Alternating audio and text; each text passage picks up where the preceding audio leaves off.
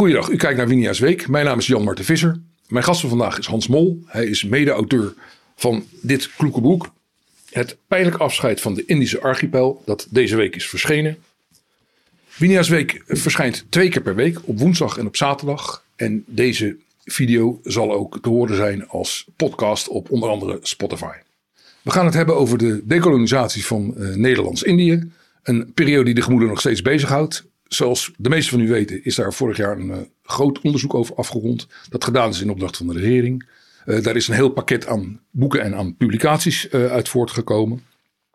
Dat boek, dat onderzoek is eigenlijk van begin af aan ook voorzien geweest van de nodige kritische geluiden.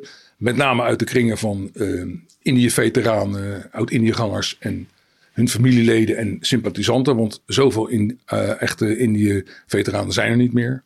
Um, dat was uh, vaak felle kritiek, met als toch wel als rode lijn, denk ik, um, dat te zeer de nadruk werd gelegd op, het, um, op de gewelddadigheid van de Nederlandse militairen. En dat, dat daarmee um, ja, veel mensen die veel gegeven hebben in Indië in der tijd uh, door het slijk gehaald werden. er is in dat kader ook uh, recentelijk een boek verschenen. Dat is dit boek. Door een groep van mensen die ja, de, het hoofdonderzoek, het, het onderzoek van regeringswezen kritisch volgt. En um, een van de auteurs is daar, in, van het boek is Hans Mol, die mij hier ver, vergezelt. Hans, van harte welkom. Dankjewel. Um, ik wil je graag even introduceren. Uh, ik weet niet of je al bent bijgezet in de eregalerij van de bekende Nederlanders. Maar uh, veel mensen zullen jou wel hebben zien optreden als uh, voorzitter van de Federatie voor Indische Nederlanders. Dat ben je lange tijd geweest en daar was je ook de woordvoerder voor. En men menigmaal vooral in relatie tot het, tot het um, grote Indië-onderzoek heb je je daar vaak kritisch over uitgelaten. Um, even bij het begin beginnen. Je bent, als ik, me wel heb, als ik het er wel heb, in 1947 in het toen nog uh, um, Jakarta geboren. Toen, nee, uh, toen nog Batavia, neem ik wel. Ja, ja, ja. Batavia. Staat in mijn paspoort. Ja, oh, dat staat nog in je paspoort. Um, en je bent in, als, weer als ik wel, in 1952 met de boot hierheen gekomen. Ja. Na een soort van omzwervingen uh, door Indonesië na bij een aantal uh, eilanden te vergeefs te hebben aangelegd. Ik weet niet of je het zegt. je zegt het wel mooi, alsof het een, een soort uh, kweeste is geweest. Uh, eventjes, mijn vader ja. die zat in de bosbouw, dus die werd vaak okay. uitgezonden. Dus hij moest naar afgelegen gebieden vaak. Dat heette dan op tournee. Dus we zijn op Borneo geweest, dat heette mm -hmm. toen nog. En uiteindelijk zijn we terechtgekomen op Nieuw-Guinea. Papua Nieuw-Guinea heette toen nog zo. Tot 62 is het uh, van Nederland geweest. Ja. En daar zat hij in de Sago-winning. En eigenlijk uh, had uh, Nieuw-Guinea had een soort van Nederlandse provincie moeten blijven. Ja. Voor de Indische Nederlanders. Want ze dachten, dus zouden iets van 300.000 mensen daar zijn die naar Nederland zouden komen. Dat de Nederlandse regering dacht toen, dat kunnen we niet behappen. Het weer is er niet naar, het eten is er niet naar, laat die mensen lekker daar zitten. Dus Nieuw-Guinea is heel lang gezien als een mogelijke plek voor uh, Indische Nederlanders. Oké. Okay. Uh, nou, en toen in 1952 het leven in Nederland begonnen. Uh, je bent, hebt sociologie gestudeerd, veel gereisd ja, ja, ja. en veel geschreven. Ja, wow. En um, nou, je bent lange tijd actief geweest als journalist voor het NRC. Volgens mij meer dan twintig jaar. Ja, ja. En daar heb je ook een boek over geschreven moet even spieken. Hoe de nuance verscheen uit een kwaliteitskant. Hoe de nuance verdween uit een uh, kwaliteitskant. Ja, klinkt als een kritisch, uh, ook als een kritisch boek. Um, ook je, je, je, Indische verleden heb je beschreven in een boek dat, als ik wel heb getiteld is, Sluipschutters in de tuin. Ja. Um, ja, ik, ja, verwijzing naar het trauma van mijn moeder tijdens de Basiap. Kijk dat is de, de verklaring van de titel. Nou, dat is een mooi bruggetje wat mij betreft. Want wat mij opvalt, en ik ben een relatieve buitenstaander in deze discussie, niet een relatieve, gewoon een buitenstaander, um, is het emotieniveau, emotionele heftigheid van alle discussies die worden gevoerd. En dat is ook wel logisch. Het is kort geleden. De meeste mensen hebben direct betrokkenen gekend. En uh, kinderen, nou, dat, uh, next of kin zal ik maar zeggen. Uh, en dat deed bij mij de vraag reizen van op wat voor manier heeft jouw Indische achtergrond uh, jouw standpunt bepaald of beïnvloed in deze? Heb jij daar zicht op? Ja, ja. Het is eigenlijk uh, heel laat. Ik heb me heel lang geen Indische Nederlander gevoeld. Ik was Nederlander. Mm -hmm. uh, ik bedoel, wat, je hebt Brabantse Nederlanders, maar goed, zo heb je Indische Nederlanders, maar Brabanders kunnen naar Brabant gaan en wij hebben niks meer. ja, Indonesië, maar dat is niet Nederlands-Indië.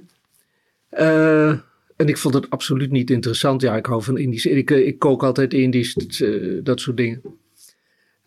maar op een gegeven moment, ik werd toen bij de Federatie Indische Nederlanders gehaald, omdat zij wilden als stelling nemen tegen het onderzoek wat aan stond te komen. En dat wilden ze doen op grond van het, het grote boek wat daaraan vooraf is gegaan, De brandende kampongs van generaal Spoor. -hmm. En uh, generaal Spoor, ik kom met een, een kneelmilieu. Laat dat meteen duidelijk zijn. Ja. Uh, en generaal Spoor, die, die, ja, iedereen had zeer veel achting voor hem. En door de titel van het boek wordt eigenlijk gesuggereerd, die generaal, die heeft een, een, een, spoor van brandende kampongs achter zich gelaten. Dus die heeft de burgerbevolking geterroriseerd. Dat is de suggestie van de titel. ja, dat is krankzinnig. Dat, dus ik vond dat ik daar ook iets tegen moest kunnen inbrengen. En doordat ik bij de Federatie Indische Nederlanders zat, kwam ik in contact met veel andere Indische Nederlanders. En dan blijkt dat wij een geschiedenis delen, mhm. waar we niet zo vaak bij stilstaan, maar die wel heel ingrijpend is geweest voor de ervaringen van onze ouders. En misschien voor een deel ook voor onszelf. Van de generatie vlak na de oorlog. Dan zit je met mensen en dan is het al gauw. En uh, zat jouw vader? Ja, mijn vader zat in een krijgsgevangenkamp. En jouw moeder? Mijn moeder was buitenkamper. Allemaal begrippen die mensen niet kennen, hè? buitenkamper. Ik weet niet of jij, jij dat kent. Nee, ik ken het. Ja, nou, ik kan er iets bij, kan me er iets bij voor. Buiten krijgsgevangen. Ja, nou ja, of burgerkampen. Als je ja. kon aantonen dat je Javaans of Indonesisch bloed had, dan kon je buiten de kampen blijven. Mm -hmm. En mijn moeder heeft dat gedaan omdat ze wilde zorgen voor haar oma's. Eén was Zwitser en de ander was Duits. Dus die hoefde het kamp niet en dan kon ze zo. Maar goed, ze kon aantonen dat ze van Indonesische bloeden was. Maar die buitenkampers, die, waren, die zijn er dus eigenlijk een grote vergeten groep. Die stonden dus uh, niet onder uh, bescherming van de Japanners. Zo'n kamp, burgerkamp, werd dan bewaakt door Japanners, maar tegelijkertijd ook achteraf uh, beschermd. Ja. Want meteen na de overdracht kwam de grote, noem het volkswoede of noem het, ja, weet ik veel, opstand, chaos. Ja, dat, dat ik heb me daar nooit zo, uh, zoveel rekenschap van gegeven. Dus tot ik bij de ja. FINSAT Federatie en die mensen tegenkwam. En dit was een, een algemeen thema van ons. En dan besef je als Indische Nederlander, dan heb je een geschiedenis achter je die vrij onbekend is bij de gewone Nederlanders. Het, uh, om een voorbeeld te geven. Uh, ik vertelde een keer aan een vriendin, een bereisde vriendin, uh, die, die echt wel de wereld kent. Ik zei, dat mijn moeder, die wilde maar één kind, want met één kind kon je nog vluchten. En toen zag ik kijken, kijken, maar ehm, wacht even, jij bent toch van 1947? Ja, over welke, eh, waarom dan vluchten? Mm -hmm. Ik zeg, voor de Indonesiërs, wat dacht je dan? Ja, maar waarom? Die wist helemaal niks van nee. Oké. Okay. Misschien is dat voor jou ook zo, hè? Dat je. Nou, het, het, ik moet je zeggen, ik heb, ik heb natuurlijk ingelezen. Ja, ik durf het woord nauwelijks in de mond te nemen, want het is, er is zoveel te lezen. Je kunt in de, in de korte tijd het interview voorbereiden, onmogelijk alles lezen. En je, je steekt je grote teen nageleven in het water, laat ik het zo formuleren. Maar dat het een, dat het een inmiddels is me wel duidelijk dat dat een, een periode was met een, de nodige onveiligheid. Zeker voor uh, Nederlanders en ja, Euro, Europese, Euro-Indonesische mensen. Um, en dat je, je leven niet zeker was. Ja. Zo, zoveel, is me, zoveel is me wel duidelijk. Maar ik ben nog steeds wel benieuwd van wat Waar zit de emotie bij jou in deze? In, in, in, in eh, wat is dat precies? Waar nou, ja, bijvoorbeeld... Sorry, ja? kan ik je vertellen. De, de, de brandende kampongs van Spoor. De Spoor ja, wordt afgebeeld als, als een beul. Ja. Uh, de Nederlanders, die, zo is het nu het vastgelegde narratief, die kwamen daar om de opstand neer te slaan. Mm -hmm. En dan denk ik, ja jongens, wacht eventjes. Uh, dat kan je zo wel framen, maar die Nederlandse soldaten, die kwamen er ook om ons te beschermen. Die kwamen er om de Chinezen te beschermen. Die kwamen er om ook de Molukkers te beschermen. Om de, ook Indonesiërs te beschermen. Ja. Tijdens die Bersiap zijn ook heel veel Indonesiërs omgebracht. Die werden dan verdacht van uh, loyaliteit uh, ten aanzien van Nederland. En dat was meteen afgelopen. Ja. Het was een enorme uh, spy scare. Dat, uh, iedereen verdacht iedereen van jij heult samen met de Nederlanders. En dan was men, uh, maakte men ook snel korte metten. Ja. En het leger Eerst had je de knil die, die mondjesmaat uit de kampen kwam. En later kwam het KL, het Koninklijk Leger. Die hebben ervoor gezorgd dat die, moet je dus zeggen, die opstand, die chaos gedempt werd. De Nederlandse militairen en de knilmilitairen, die hebben levens gered. Ja. En dat wordt helemaal eh, vergeten. Dat wordt, er wordt gezegd, ja, eh, ze kwamen daar om de onafhankelijkheidsstrijd de kop in te drukken. Maar primair kwamen ze daar om orde en rust te brengen. Ja, dat wordt nu geframed als, ja, dat was een smoesje. Met dat excuus zijn ze er naartoe gelokt. Maar feitelijk was mhm. het voor de reconstructie van het koloniale regime. Wat ik mij daarbij afvraag is, als ik bijvoorbeeld de reactie van kritische mensen die daar kritisch op zijn, op dat boek van Limpach hè, uh, lees. Dat is sowieso eh, best verwarrend als je daarin stapt, want het is ongelooflijk fel. En wat ik niet direct helder krijg is. Um, want als ik dat ook bijvoorbeeld in de, in de, in de, in de, in de, in de geschriften van Bouke Geersingen, een bekende persoon in, in, in de kritische kring, als ik zo even mag aanduiden. Die, er wordt ook heel veel, er wordt heel veel gedaan bijvoorbeeld om, om Limpach als onderzoeker um, nou ja, verdachte maken is niet het woord, maar, maar, maar enigszins uh, buitenspel te zetten. Ehm, heel veel energie gaat daarheen. En als ik daarop uitzoom, dan vraag ik me af, wat is nou eigenlijk, bijvoorbeeld in zo'n geval, de echt des poedelskern? Is dat dat je dat boek van Limpach echt feitelijk onjuist vindt? Of is het vooral de eenzijdigheid ervan? Dat, dat er een heel bepaald stukje van de geschiedenis op een bepaalde manier uh, naar voren gehaald wordt en alle accent op gewelddadigheden komt te liggen. Ja, beide natuurlijk. Is, Limpach zie ik vooral als een, een eh, moet je zeggen, toonbeeld van woke geschiedenis. Mhm. Hij kon dit boek schrijven in deze tijd. Ja. Men, men, men, zat binnen academia te wachten op, een, op iemand die echt zou kunnen aantonen: Nederland was fout, fout, fout, fout. Ja. Nou, dan komt hij met zo'n dikke pil.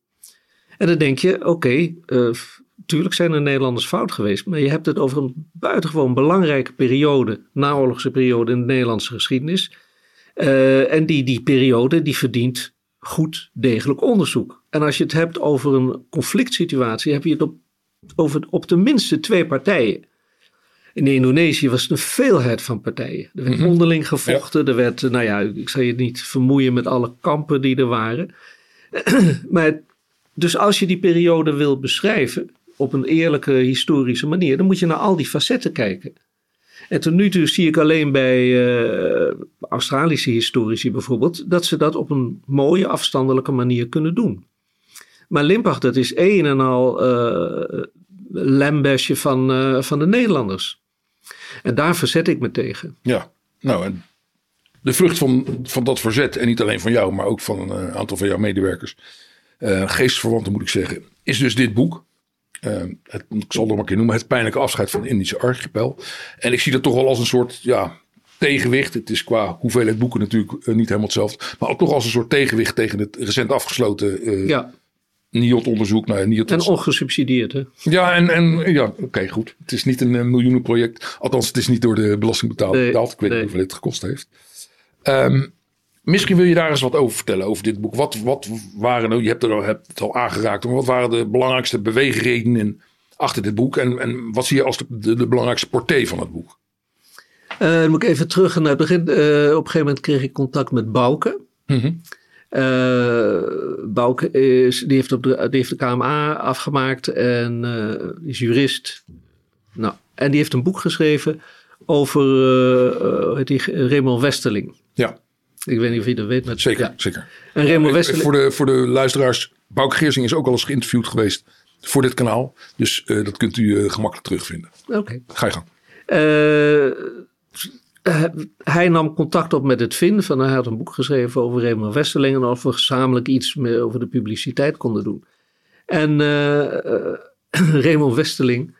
Dat wist ik helemaal niet. Daar ging toen in de familie over vragen. Ja, ja, ja, die kennen ze heel goed nog een oude nicht, die is nu in de negentig. Die kon zich uh, Raymond Westeling nog herinneren. Die kwam dan bij haar vader thuis, kolonel bij het Knil, op Celebes. En uh, kon zelfs, oh, dat was best een knappe man. Uh. en Raymond Westeling is altijd gezien, binnen, nou in ieder geval mijn familie, in ruimere zin denk ik wel in, in, in de Indische wereld, als iemand die opkwam voor de gewone Indonesiërs. Hij heeft, Celebes, ja, daar, daar heerst een, totale anarchie. Rood-witte, zo werden die mensen mhm. die uit Java kwamen, die oefenen ware terreur uit ik wil er verder geen waardeoordeel aan geven. Want als je heel weinig hebt, dan heb je alleen nog maar kapmessen en, uh, speren om daar mensen mee bang te maken. En dat was wat ze ook deden. En uh, de, uh, toen, toen Westerling kwam, wist hij meteen de harten van de inwoners, de, de, de oorspronkelijke bewoners, voor zich te winnen. En binnen de kortste keren had hij een eind gemaakt aan de rood-witte terreur. Groot feest toen hij wegging, nou ja, noem maar op. En dat, dat uh, was in de familie bekend van uh, Raymond Westeling. Ze zeiden wel, ja, hij heeft dat mandaat gekregen hè, van de standrechtelijke executie. Ja. Dat hebben wij nooit gehad. Nou, anders hadden wij het misschien ook wel op zo'n manier gedaan. Dus met die, met die hoe moet je het zeggen, bijna kritiek, werd hij toch als zeer goed militair gezien. Mm -hmm. En in Nederland is dat natuurlijk nooit zo geweest. In Nederland is hij altijd als een massamoordenaar gezien. Dus toen uh, Bouke kwam met, willen jullie iets doen? Kunnen we samen iets doen met, nou, zijn we met hem daarin gestapt. Het meeste heeft hij natuurlijk zelf gedaan. en zo ben ik er eigenlijk bij gekomen. Is het een beetje een antwoord op je vraag? Zie ja, zeker. Dat, zeker. Um, en, um, want jij schrijft in dat boek een, een, een, een, Of nee, laat ik eerst nog een andere vraag stellen. Het boek heeft als ondertitel Trauma, Discussie en Eerherstel. Uh, ja, dat klinkt als een facering.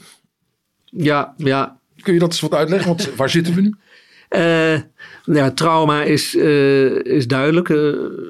Zowel de Indische Nederlanders, de, de burgers, zoals mijn moeder, die toen ze terugkwamen in Nederland, die hebben traumatische ervaringen mhm. meegemaakt in Indië. De additioneel trauma, voor, je, voor zover je dat zou kunnen zeggen, is dat er totaal geen interesse was. kan ik me ook wel voorstellen. Nederland zat in de, hoe heet het, heropbouwen. Dus ja kwamen daar die bruintjes. Uh, ja, zelf hadden ze genoeg meegemaakt. Er was geen uh, oornaar. Dus dat is heel erg naar binnen gericht geweest. Dat zie je bij een heleboel Indische mensen. Niet praten. Als er niet geluisterd wordt, ga je ook niet praten. Ik kan niet zeggen. Hey, uh, dus er was ook geen discussie over die periode. Dat kan nu wel, hopelijk.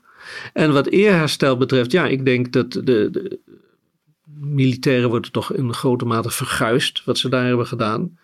En ze verdienen eerherstel. Als ik alleen al denk aan de uh, Molukkers, de Ambonezen zoals ze toen werden genoemd.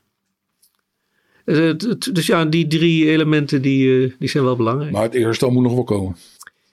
Ja, nou ja, zo'n boek is een beetje een vorm van uh, eerherstel. Ja. Maar eerherstel hoort officieel te zijn. Ja, ja, ja.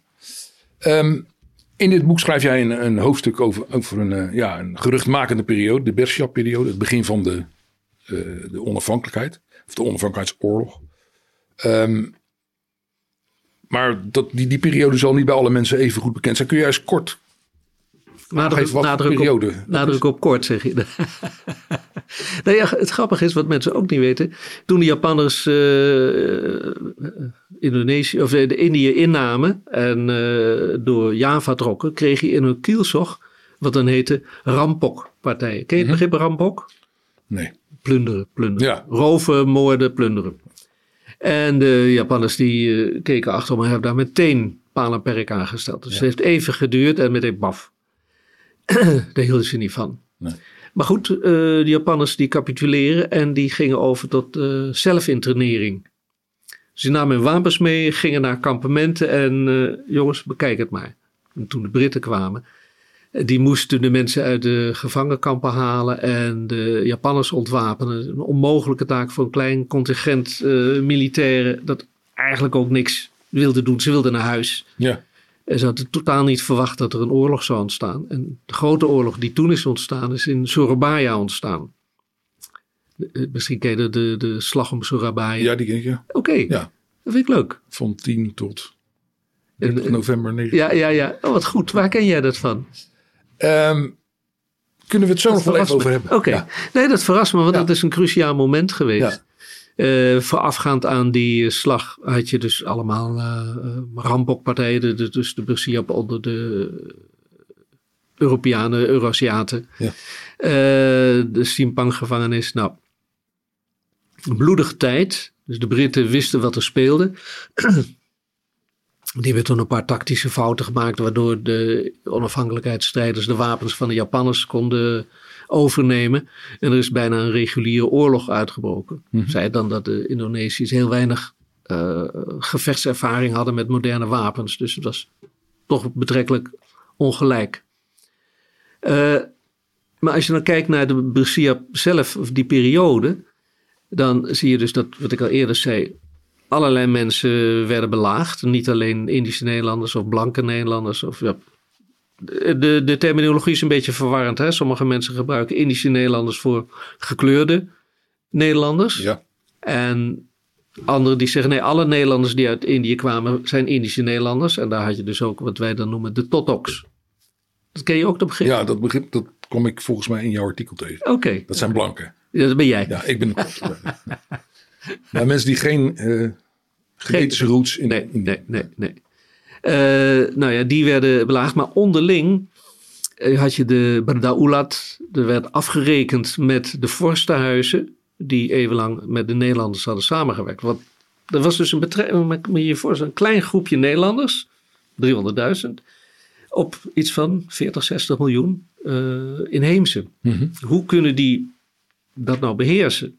Dat kon alleen omdat dus de lokale adel, uh, je kan zeggen hadden omgekocht, maar hoe dan ook, maar die werden, uh, die werden gebruikt. Jongens, als jullie alles doen, dan doen wij ja. verder de rest wel. dus daar werd veel haat tegen gericht. Je had al in het begin nationalistische bewegingen, waar de Ambonese natuurlijk, of de Molukse, de, de meest bekende van is. Mhm. Je had de uh, afscheidingsbeweging Aceh, die tot in de jaren negentig uh, zijn doorgegaan. Je hebt nu natuurlijk nog de, de, de Papua's die vechten. Uh, je had de, een, een grote groep communisten in Indonesië. Je hebt al een kleine communistenslachting gehad in. nou, ik durf er nu even geen datum aan te hechten, maar in het begin van die Bersia-periode ook. Uh, en dan de nationalisten. En de nationalisten die bestonden uit, uh, tenminste hun krachtcentra bestonden uit studenten, uh, milities, ad hoc milities, van soms criminelen.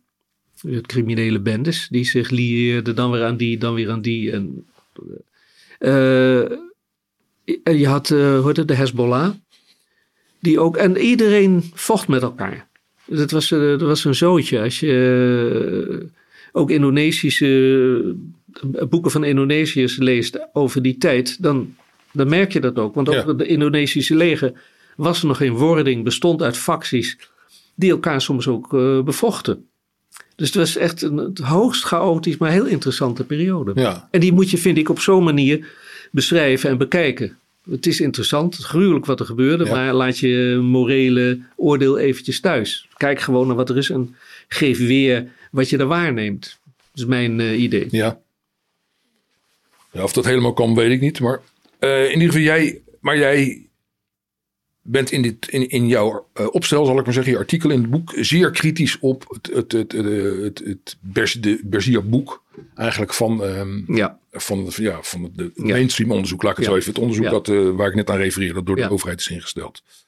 Um, en dat is best wel van dik houtzaag mijn planken. Ik bedoel, uh, je vindt het slordig en tendentieus en bevooroordeeld. En nou ja, ik noem wat de pathologische drive om het koloniale bewind in discrediet te brengen. Meer van dat soort dingen. Ja. Dat is niet niks. Nee, maar dat, uh, nee.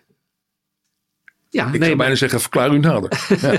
ja. uh, dat staat een, een zinnetje in uh, Limbach, tussen aanhalingstekens, dat de eerste ad hoc opgerichte militaire eenheden in ja. Batavia die bestonden uit mensen uit uh, krijgsgevangenkampen op Java en jongeren die uit de jongenskampen kwamen. Ja. 16-jarige kinderen zou je kunnen zeggen. Die werden rudimentair bewapend. Ja. En daar richt de kritiek van Limbach zich op. In een stuk wat ik uh, heb beschreven haalt hij een Britse commandant aan. En die Britse commandant die zegt... Die Hollanders, die, die, die knillers, die schieten op alles wat ze verdacht vinden. Ja. En nou oké, dat zo'n citaat erin staat, dat vind ik heel goed. Het geeft weer hoe in ieder geval de Britten daarover dachten. Want die hadden een bloedhekel aan, eigenlijk aan de Nederlanders. Die, die begrepen totaal niet wat er aan de hand was. Waarom gaan ze niet met Sukarno praten? En uh, dacht, dat valt allemaal precies op. Ja. Nou ja. Uh, en ze wilden naar huis, ze wilden er niks mee te maken hebben. Dus dat zo'n man dat een beetje laatdunkend zegt, die, die troepen die schieten op alles wat ze verdacht vinden. Ik kan me dat voorstellen, maar zet het in een context. Was dat ook zo? Schoten die mensen op alles wat, wat ze verdacht vonden? En wat vonden ze dan verdacht? Ik vind het ook interessant om te weten. Ja. Kort en goed, er komt dus in die hele serie, uh, naar aanleiding van, van dat grote onderzoek, er komt in die hele serie een boek uit. Uh, een, een, publieksboek, dat heet Over de Grens. Ja. En dat gaat over alle aspecten waar het hele onderzoek over gaat. En ja. in Over de Grens staat een relatief kort hoofdstuk over de Bersiap. Daar kom je diezelfde zin tegen. Die uh, militairen die schoten op alles wat ze verdacht vonden. Mm -hmm. Zonder aanhalingstekens. Dus dan is een mening van iemand waarvan je niet weet of die mening gegrond is. Misschien was die mening van die Brit wel een, een natte vingerwerk. Oh, Ja. Gasten die schieten op alles wat verdacht is. Uh, Ja.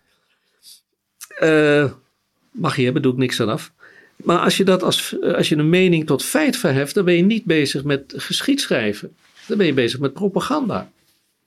Dat, dat, en dat neem ik ze kwalijk.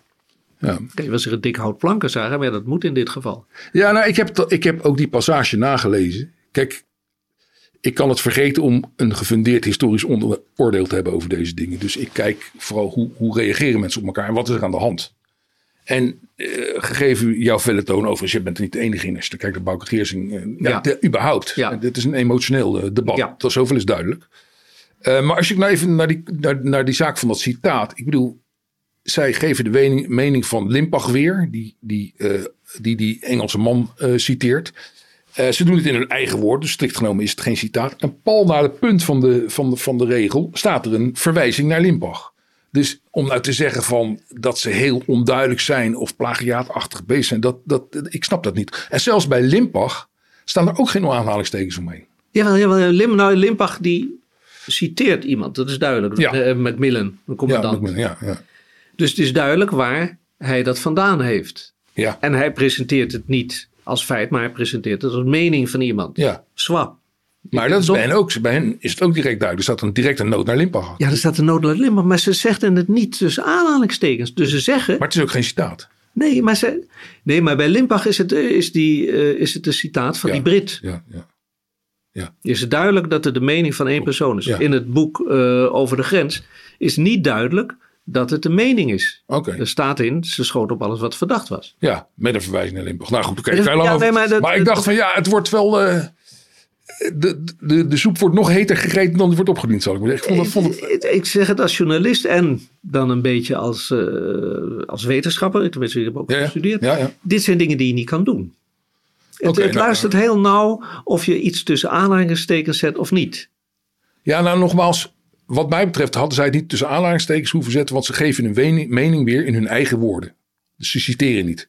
Maar het is een, het is, er staat letterlijk hetzelfde als wat bij Limpach nee. staat. They shot at everything. Uh, dus, die, die, die, die, woorden inderdaad zijn, ja. staan er wel. Ja. Maar ja, oké, okay, nou goed, oké, okay, per vanaf. Ik vond het, ik vond het erg. Ik, vond het, ik denk van je bent, een strenge meester. Oké. Okay. Um, okay. wat, en bijvoorbeeld ook zoiets. Ja, dat intrigeert me dan. Want, ja. want ik, ik, ik krijg er geen vinger achter van wat, waarom wordt dit, wordt dit zo fel? Nou ja, wat die. Uh, ik Want, heb mijn ja, misgivings ja. bij, bij Limpach, dat hij die man aanhaalt okay. en niet verder uitzoekt van had die man gelijk om te zeggen ja. ze schoten op alles wat uh, verdacht was. Ik vind het nog erg wanneer mensen dan buiten die aanhalingsom, uh, tekens om dit als feit geven. En vervolgens dat die ongesubstantieerde mening, van ze Mhm. schoten op alles wat verdacht was, als verklaring geven voor wat aan Indonesische zijde gebeurt. Van die moesten daarom, zich daarom wel be bewapenen tegen die op alles schietende Nederlanders. Hm. En dan denk ik, nu gebeuren er wel heel veel dingen tegelijk. Je weet niet, je weet niet of het zo was. Dat die Nederlanders op alles schoten wat verdacht was. Ik denk niet dat het zo is, omdat ze gewoon heel beperkt bewapend waren. Ja. Ik kan me voorstellen dat de Britten dat vinden, vanuit hun optiek. Maar dat maakt het nog geen voldongen feit. Nee. Als jij vervolgens zegt, door dat optreden van die Nederlandse soldaten. kreeg je wel een uh, verhevigde reactie van de andere kant.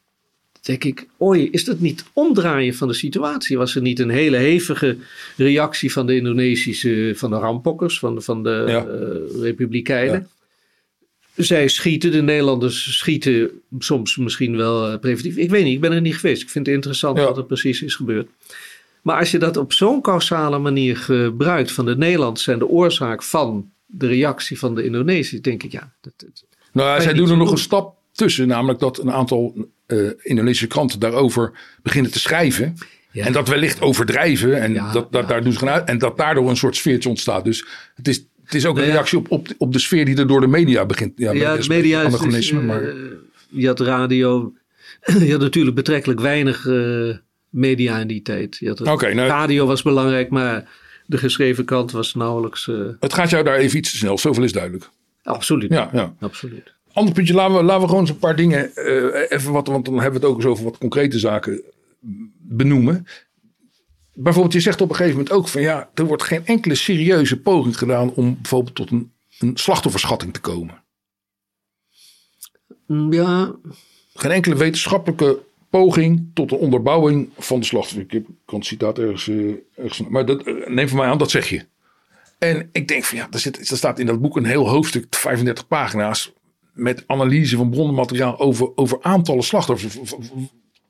Wat mis ik dan? nou, eh, een heleboel. Oké, ja. veel meer. Misschien eh, kan je herinneren de, advocaat Zeg, eh, even kijken, Zegveld? Ja, ik- Zegveld. ja, Die heeft zich hard gemaakt voor de weduwe van Rawagede. ja. Dat staat je bij. Dat is, dat is ook nog een verhaal. Dat komt, daar, ja, dat komt daar ook eh, eh, terug eh, in het boek. eh, het is de vraag of het een massamoord was. Het is de vraag of als er eh, excessief veel eh, slachtoffers zijn gemaakt door Nederlanders daarvoor van dan wil ik. eh, laat ik even staan. De, eh, die zaak is voor de rechter Mhm, gekomen in mhm. Nederland. En de rechtbank die heeft een Australische onderzoeker gevraagd. eh, kan jij eens kijken of jij slachtofferaantallen kan substantiëren. Ik gebruik het woord Ja, meer, hè, want er Ja. zijn een heleboel monumenten, er zijn kerkhoven, er zijn de, de, de, de helden van de oorlog, heet het vaak. Eh, Palawang Perang heet het geloof ik. Eh, of je daar materiaal eh, kan vinden waaruit blijkt hoeveel mensen er zijn gedood. Ja. Die man die, die, die spreekt eh, Indonesië, die kent het hand- land van haven tot gordel. Die heeft daar gereisd.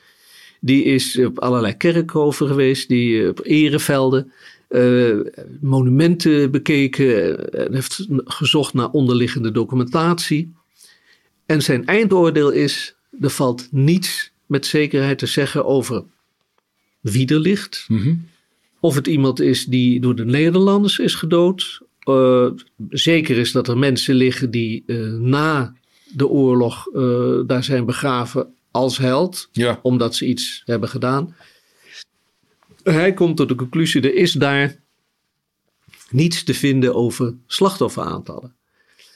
Zou je iets willen weten, dan zou je ook naar de archieven moeten kijken van, de, van het Indonesische leger ja. die zijn ontoegankelijk. Ik heb een keer een eh, Indonesische historicus horen zeggen: ja, daar moet je heel voorzichtig mee zijn als je dat wil, Mhm. als onderzoeker, Ja. Indonesische archieven. Want als jij daar uithaalt, als jij daar iets uithaalt wat het leger in een slecht daglicht zou stellen, dan ben je leven je niet probleem, zeker. ja. Dan heb je een heel zwaar probleem. Ja. Dus er liggen daar er liggen mogelijkheden voor onderzoek ja. en die zijn niet gebruikt. Dus het is. eh, als je echt slachtofferaantallen wil, wil, wil onderzoeken, dan moet je de diepte ingaan en naar dit soort dingen zoeken. Ja, ik. Nogmaals als leek, maar dus, dus zij maken een opmerking dat ze daar iemand hebben die die verschillende bronnen in kaart heeft gebracht. Een soort overzicht. Daar, dat is in hun bezit en dat hebben zij gebruikt.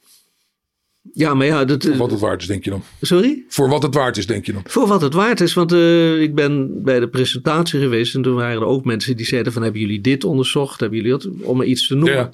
Ja. Eh, heel veel Nederlandse ingezetenen, Mhm. Indische of anderszins, die eh, hadden verzekeringen. Ja. Nou, een verzekering die moet op een gegeven moment tot uitbetaling komen. En blijkt dat er een heleboel mensen verdwenen zijn. Oké. Je kunt ze niet vinden. Nee. Waar zijn die? Zijn ze die verdwenen of zijn ze dood? Laat staan dat je weet hoe ze, zijn, eh, hoe ze dood zijn gegaan. Ja.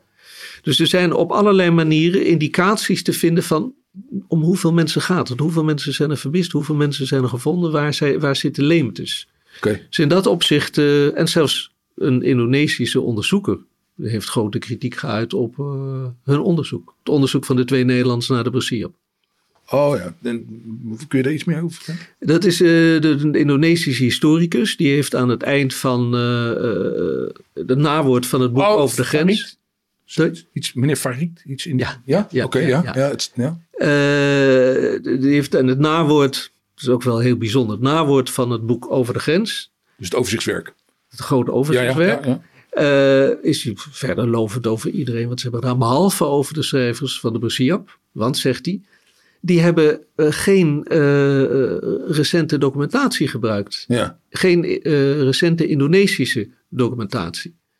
En dat is nogal een zware beschuldiging van ja. een historicus. Die Klopt. zegt dus, er is iets wat ze niet hebben gebruikt. Hoe komt dat? Kennen ze het niet? Dan zijn ze hun wetenschappelijk schop niet waard.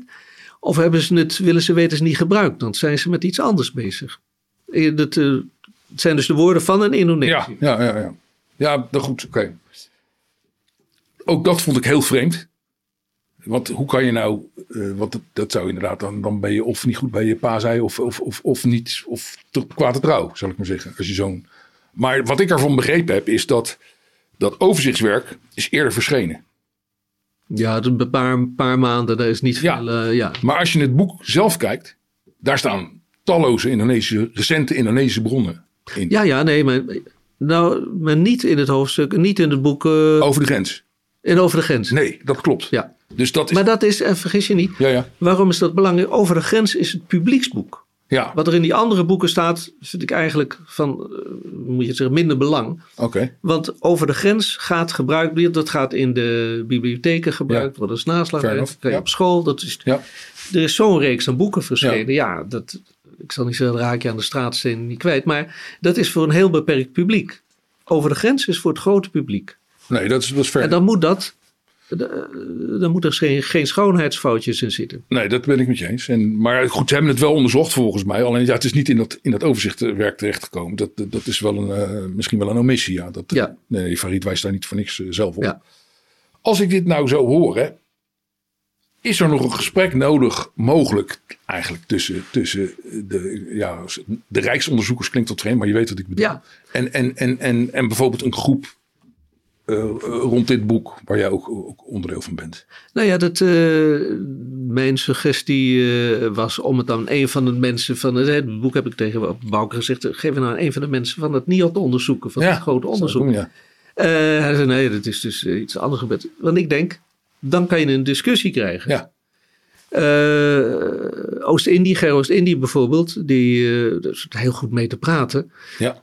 En ik zeg altijd, ook die mensen van, de, de, van het Brasiap-onderzoek, uh, ik kan het met ze oneens zijn, ik kan het fundamenteel met ze oneens zijn, maar we hebben, onze belangstelling is heel duidelijk gericht op iets. En vanuit die belangstelling moet je toch met elkaar kunnen praten. Ja.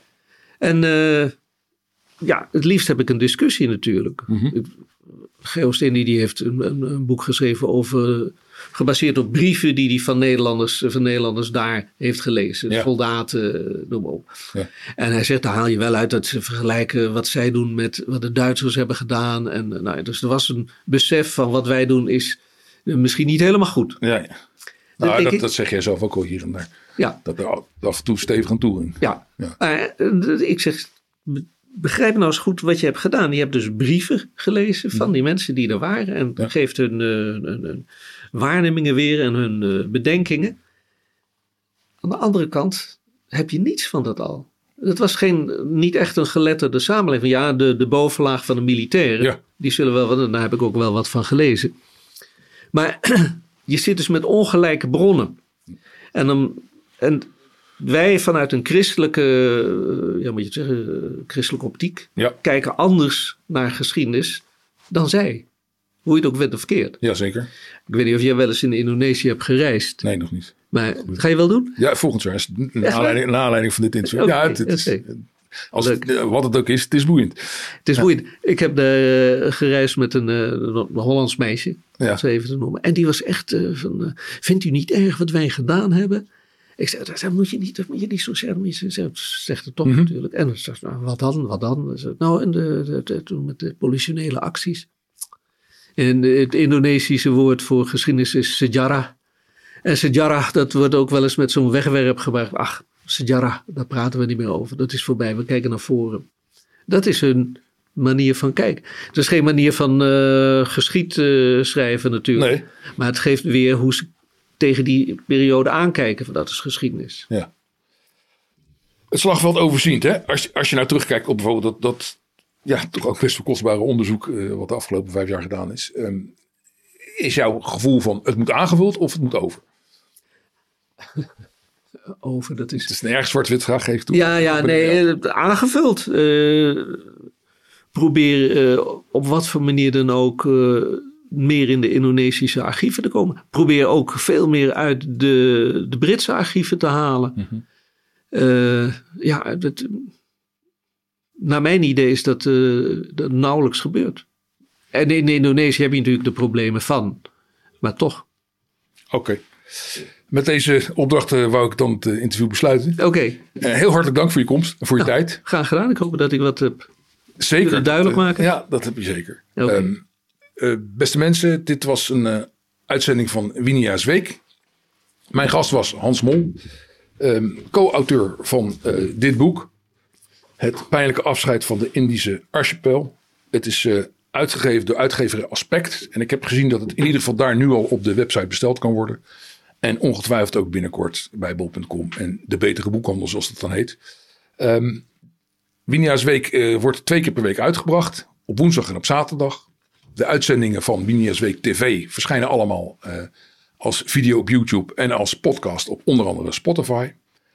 Ik dank u ook Mocht u nooit meer wat willen dan, missen, dan kunt u zich inschrijven voor de nieuwsbrief op de website van Winia's Week.